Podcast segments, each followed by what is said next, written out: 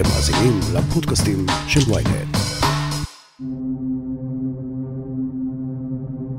קצין מוכשר המשרת ביחידה טכנולוגית יוקרתית באמ"ן מגיע לתא קטן בכלא ומואשם בעבירות חמורות. אחרי חודשים בתא, חקירות וכתב אישום, הקצין מת. הפרשה מתפוצצת והצבא עושה מאמצים גדולים על מנת למנוע את פרסום פרטי הפרשה. במשך ימים, מדינה שלימה מנסה להבין מה עשה הקצין הצעיר שהביא לכליאתו ולמותו. יואב זייתון, כתבנו לענייני צבא, שפרסם לראשונה את הפרשה, חושף פרטים חדשים ועושה סדר.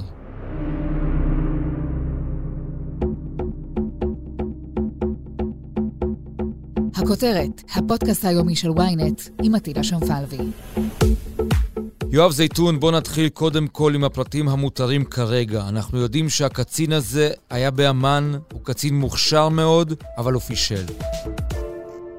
נכון, מדובר בבחור צעיר בסך הכל, קצין צעיר בדרגה יחסית אה, זוטרה, אבל עם המון המון המון כישרון, המון ידע, שהוא מוגדר כעילוי אה, טכנולוגי אה, בעולמות האלה, שלרוב חוסים תחת חשיכה גם בשגרה, בטח שמתפוצץ סיפור שכזה, וברקע היכולות שלו והכישרון הרב שיש לו, ולכן גם הוא גויס ליחידה הטכנולוגית המובחרת הזו באגף המודיעין, התגלו המעשים שלו, ולמעשה מה שאתמול הותר לפרסום, זו העובדה שהוא כבר ביצע נזקים חמורים לביטחון המדינה, כך לפי אה, צה"ל במעשים שלו, הוא גם ניסה להסתיר אותם לאורך תקופה, אבל בחקירה שלו, שהייתה בכלל ביולי שנה שעברה, כלומר חלף זמן רב מאז, בחקירה שלו הוא הודה ברוב העבירות שיוחסו לו, וכבר גם הוגש נגדו כתב אישום מאז ספטמבר, ומאז למעשה הוא היה במעצר, עד שהוא מצא את מותו אה, לפני כחודש ימים. עדיין גם אחרי ההודעה הארוכה יחסית של צה"ל אתמול, שמבחינתי הייתה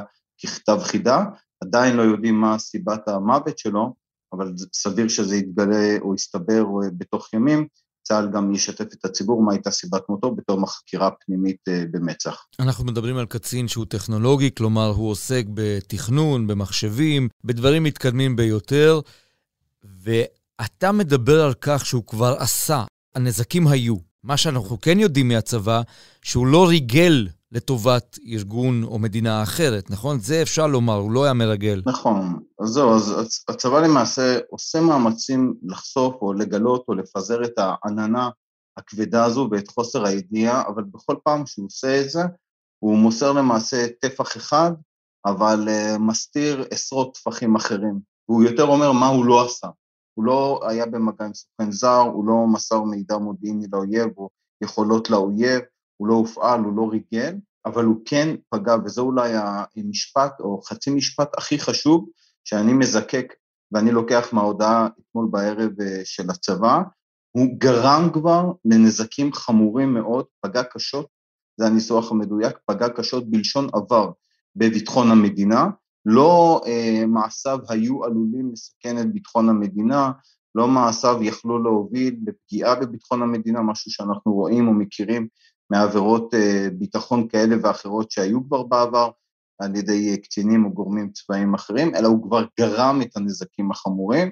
אפשר רק לשער איזה נזקים נגרמו כבר בלשון עבר, נזקים אה, ביטחוניים, אבל האמירות האלה שבסך הכל מסתירות את האמת שאנחנו עדיין לא יודעים אותה וגם הציבור לא יודע אותה, האמירות האלה בהחלט יכולות לפגוע בו כמובן בזכר שלו, במשפחה שלו, והמשפחה שלו עדיין נלחמת ורוצה לקבל לא רק חלקים מכתב האישום, אה, שרובו עדיין מושחר בעיניה, ורק אתמול בית הדין הורה אה, לפרקליטות הצבאית לצה"ל לכבד את הבקשה ולהעביר להם את כתב האישום, שממנו המשפחה כבר מודרה מאז תחילת הפרשה, אלא גם הם דורשים חומרי חקירה נוספים, יש קלסרים רבים של חומרי חקירה, כמובן כתב האישום בוטל אה, בעקבות מותו. אנחנו יודעים שהיה לו פרקליט, היה לו עורך דין, שוחחנו איתו, עורך דין קוזניץ, הוא מייצג את המשפחה כעת וגם ייצג את הקצין.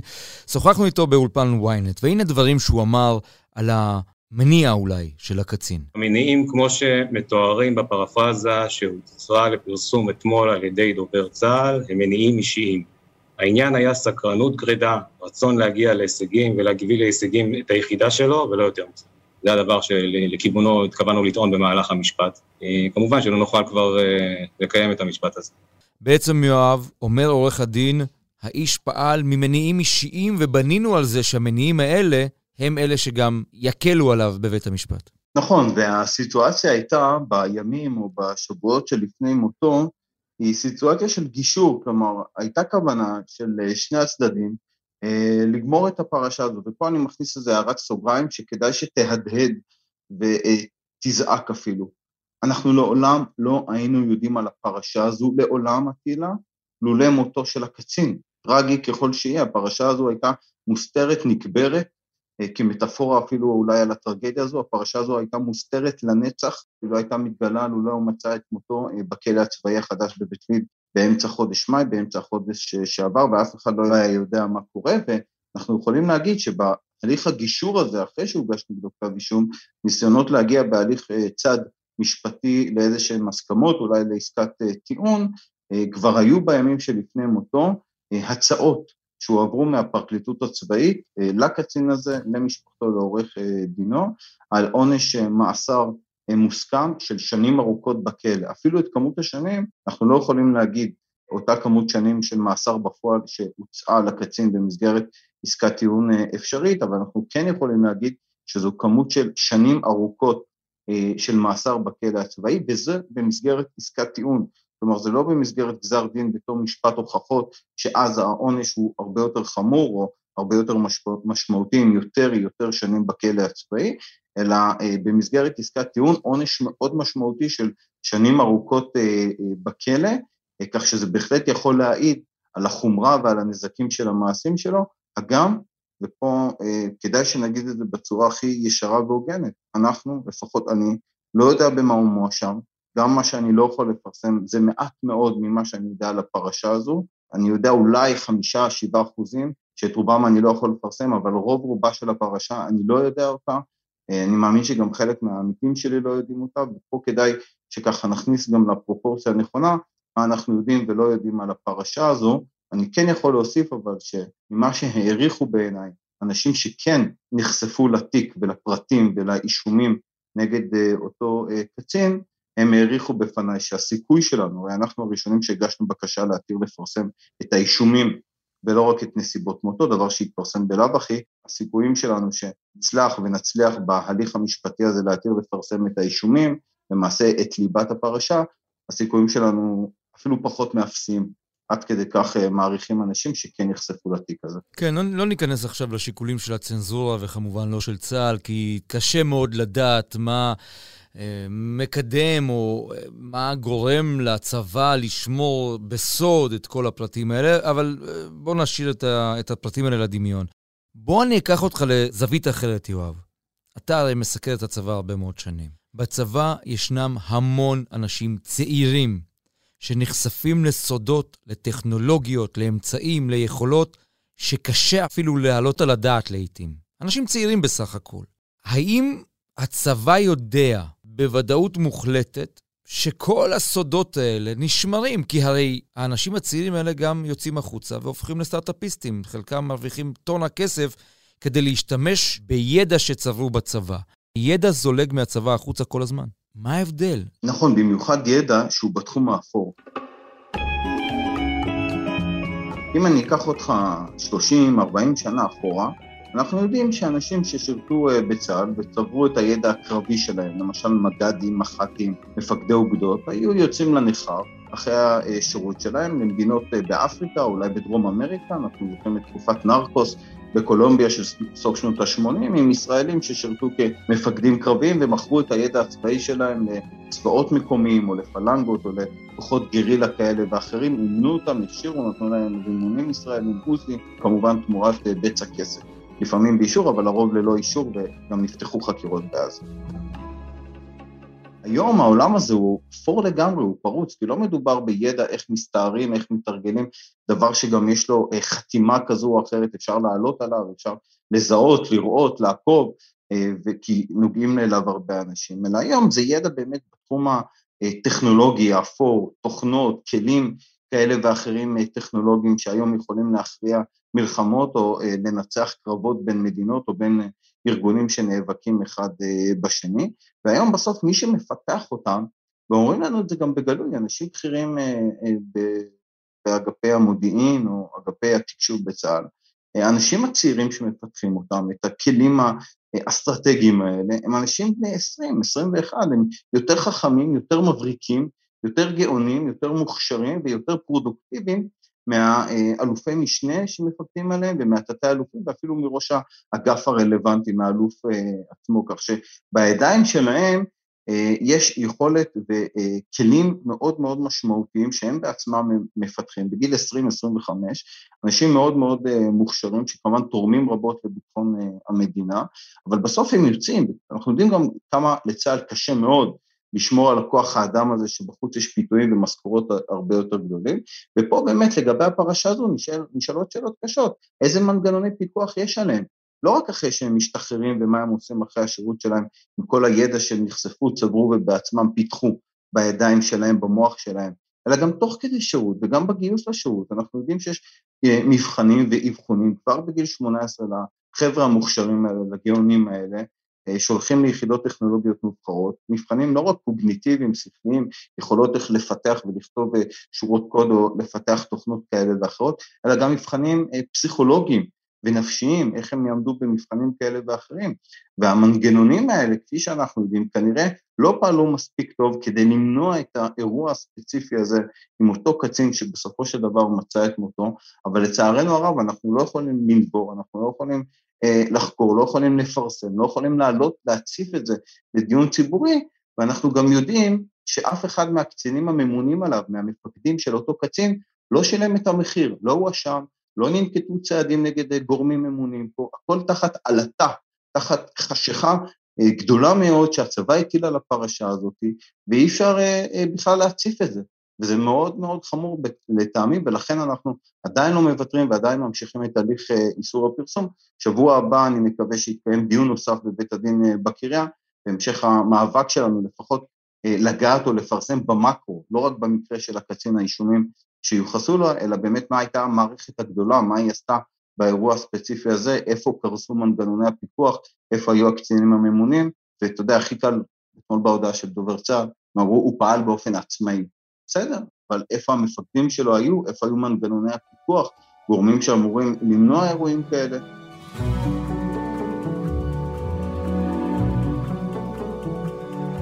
עד כמה הרוחות בצבא סוערות? תראה, הרבה אנשים מודרו, זאת אומרת, אני, ממה שאני הבנתי, אפשר לספור על שתי ידיים, אולי שתי ידיים וחצי, את כמות האנשים שהוחתמו כשותפי סוד על הפרטים של הפרשה הזו. אפילו ההורים שלו מודרו, וההורים שלו, לפחות אחד מהם, הוא בעצמו שותף סוד, הוא חלק ממערכת הביטחון, בן אדם שבעצמו תרם ועדיין תורם רבות למערכת הביטחון, אחד מקרובי משפחתו הקרובים ביותר, אפילו הם מודרו.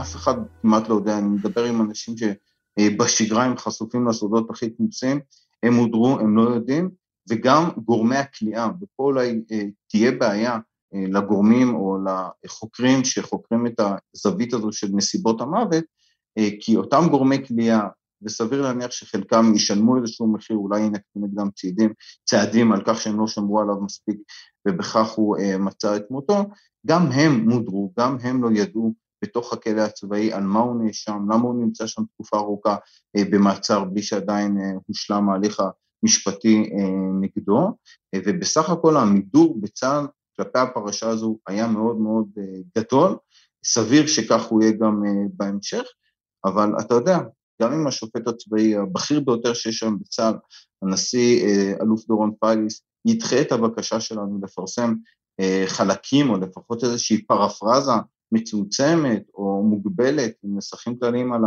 ליבת הפרשה על האישומים, לא לעולם חוסן, ופנינו כנראה יהיו לבית המשפט העליון. אפרופו מנגנוני הפיקוח המשפטיים שיש על הצבא, אנחנו יודעים תמיד שכשמגיעים התיקים האלה, הארגזים האלה בפני השופטים, עם הסודות והסודי ביותר, המערכת נוטה להתיישר לפי הדרישות של, של הצבא, של שב"כ, של מוסד. גם במקרה הזה? נכון, ופה אני למוד אכזבות. לצערי הרב. אחת לכמה חודשים יוצא לי, יצא לי בשנים האחרונות, בממוצע, לפנות לבית דין צבאי, לשופט צבאי, ולבקש להתיר לפרסם פרשה או מידעים על פרשה כאלה ואחרים. מפרשיות מין, דרך פרשות אה, שחיתות, כאלה שנוגעות גם קצת לביטחון המדינה, ועד לפרשות של אי סדרים בצה"ל, דברים שהם חסו תחת צווי איסור פרסום. וברוב המקרים נכשלתי, ברוב המקרים שופטים צבאיים קיבלו את עמדת התביעה הצבאית ואמרו לא, אנחנו לא מתירים לך אה, לפרסם. עכשיו, אני מאוד מעריך את השופטים הצבאיים, ההחלטות שלהם אה, מנומקות, ויותר מזה, הם גם נותנים אה, זמן רב אה, לטענות שלנו, הם גם מקיימים דיונים ארוכים וממושכים, לעיתים מספר דיונים על פני מספר שבועות בהליכי אה, התרת אה, פרסום, לא משאירים שום אה, אבן אה, ככה על הקרקע, בודקים הכל, נותנים את הבמה לצדדים, אבל ברוב המקרים שביקשנו משופטים צבאיים, שאנחנו יודעים שבסופו של דבר, על אף עצמאיותם, על אף שהם אמורים להיות יחידה נפרדת ועצמאית מצה"ל, הם עדיין משדרים לפחות בהחלטות האלה שהם חלק מהמערכת, שהם מאוד מערכתיים, שמה שהתביעה הצבאית תגיד להם, כלומר צה"ל, הם יעשו והם לא יכבדו את אה, ערך זכות הציבור לדעת, אה, ובשיקולים שיש להם העיקרון הזה, שכמובן מעוגן בפסיקות של העליון, של זכות הציבור לדעת ופומביות הדיון, אה, הם במקום נמוך בסדר העדיפות שלהם, ובאמת ברוב המקרים אנחנו לא הצלחנו אה, להתיר לפרסם מידעים או פרשות מביכות שקרו אה, בצה"ל, אנחנו כמובן, זה לא מרפא את ידינו ואנחנו נמשיך לנסות, אבל אתה יודע מה, עטילה? זה לא רק אצלם. אתה יודע ואולי אתה זוכר, אנחנו כבר שלוש שנים מטילה, נמצאים בבית המשפט המחוזי בהליך אזרחי נגד מערכת הביטחון להתיר לפרסם את אה, דוחות מבקר צה"ל ומבקר מערכת הביטחון, שמשום מה מוסתרים מהציבור באופן היסטורי כבר עשרות אה, שנים, לקבל אותם לפי חוק חופש המידע וכמובן לפרסם אותם עם כל מגבלות הצנזורה ועם כל האפשרות לא לפגוע בביטחון המדינה, וזה הליך כבר, אטילה, שאנחנו נמצאים בו כבר שלוש שנים אצל אה, השופטת הבכירה רחל ברקאי, ומערכת הביטחון פשוט מורחת אותנו מדיון לדיון, אנחנו נפגשים שם, קיבלנו אולי קמצוץ, חלק קטן מהדוחות, יש דוחות עיקריים מאוד משמעותיים של מבקר מערכת הביטחון עם המון דברים מביכים על צה"ל ועל משרד הביטחון שהם מסתירים ומורחים אותנו כבר שלוש שנים, אה, וחלק מהדיונים אנחנו מוצאים החוצה והם מתקיימים במעמד צד אחד, ואתה יודע שבפני שופטת מכובדת אה, ועניינית ככל שתהיה, ניצב בדיון במעמד צד אחד קצין צה"ל עם כומתה של אמ"ן, ממחלקת ביטחון מידע, ומתחיל לשטח בפניה אזהרות חמורות כמה הדוח הזה יגרום נזק חמור לביטחון המדינה ויסכן אזרחים ויפגע ביחסים עם מדינות זרות או יפגע בחברות ביטחוניות שעובדות עם צה"ל ומערכת הביטחון, אז מה השופטת הזאת יכולה לעשות? מה אנחנו יכולים לעשות? אנחנו אפילו לא נמצאים באולם כדי לטעון כנגד, אין לנו את הזכות המשפטית הבסיסית הזו לטעון טענות או טיעונים או נימוקים או חוות דעת כנגד הטיעונים האלה של אותו קצין ביטחון מידע שמזהיר ומפחיד את השופטת. ככה שזה עולם מאוד מאוד מאוד בעייתי, אבל אתה יודע, אנחנו ממשיכים לנסות ולא לא נוותר, נמשיך לנסות, ובמקרים שיראו לנו עדכונים, אם צריך כמובן, אנחנו ננסה להגיע לבית משפט העליון. יואב זיתון, כתבנו לענייני צבא, על הפרשייה העלומה הזו. תודה רבה. תודה, טיל. עד כאן הכותרת להיום, מחר נהיה כאן שוב עם פרק נוסף. אתם יכולים להאזין לנו בוויינט, בספוטיפיי, באפל ובכל אפליקציות הפודקאסטים באשר הן. אם יש לכם הערות, בקשות או רעיונות, אתם מוזמנים ליצור קשר באמצעות האימייל podcaststrudelwynet.co.il ולפנות אליי ישירות דרך הטוויטר או דרך הפייסבוק. נשתמע מחר.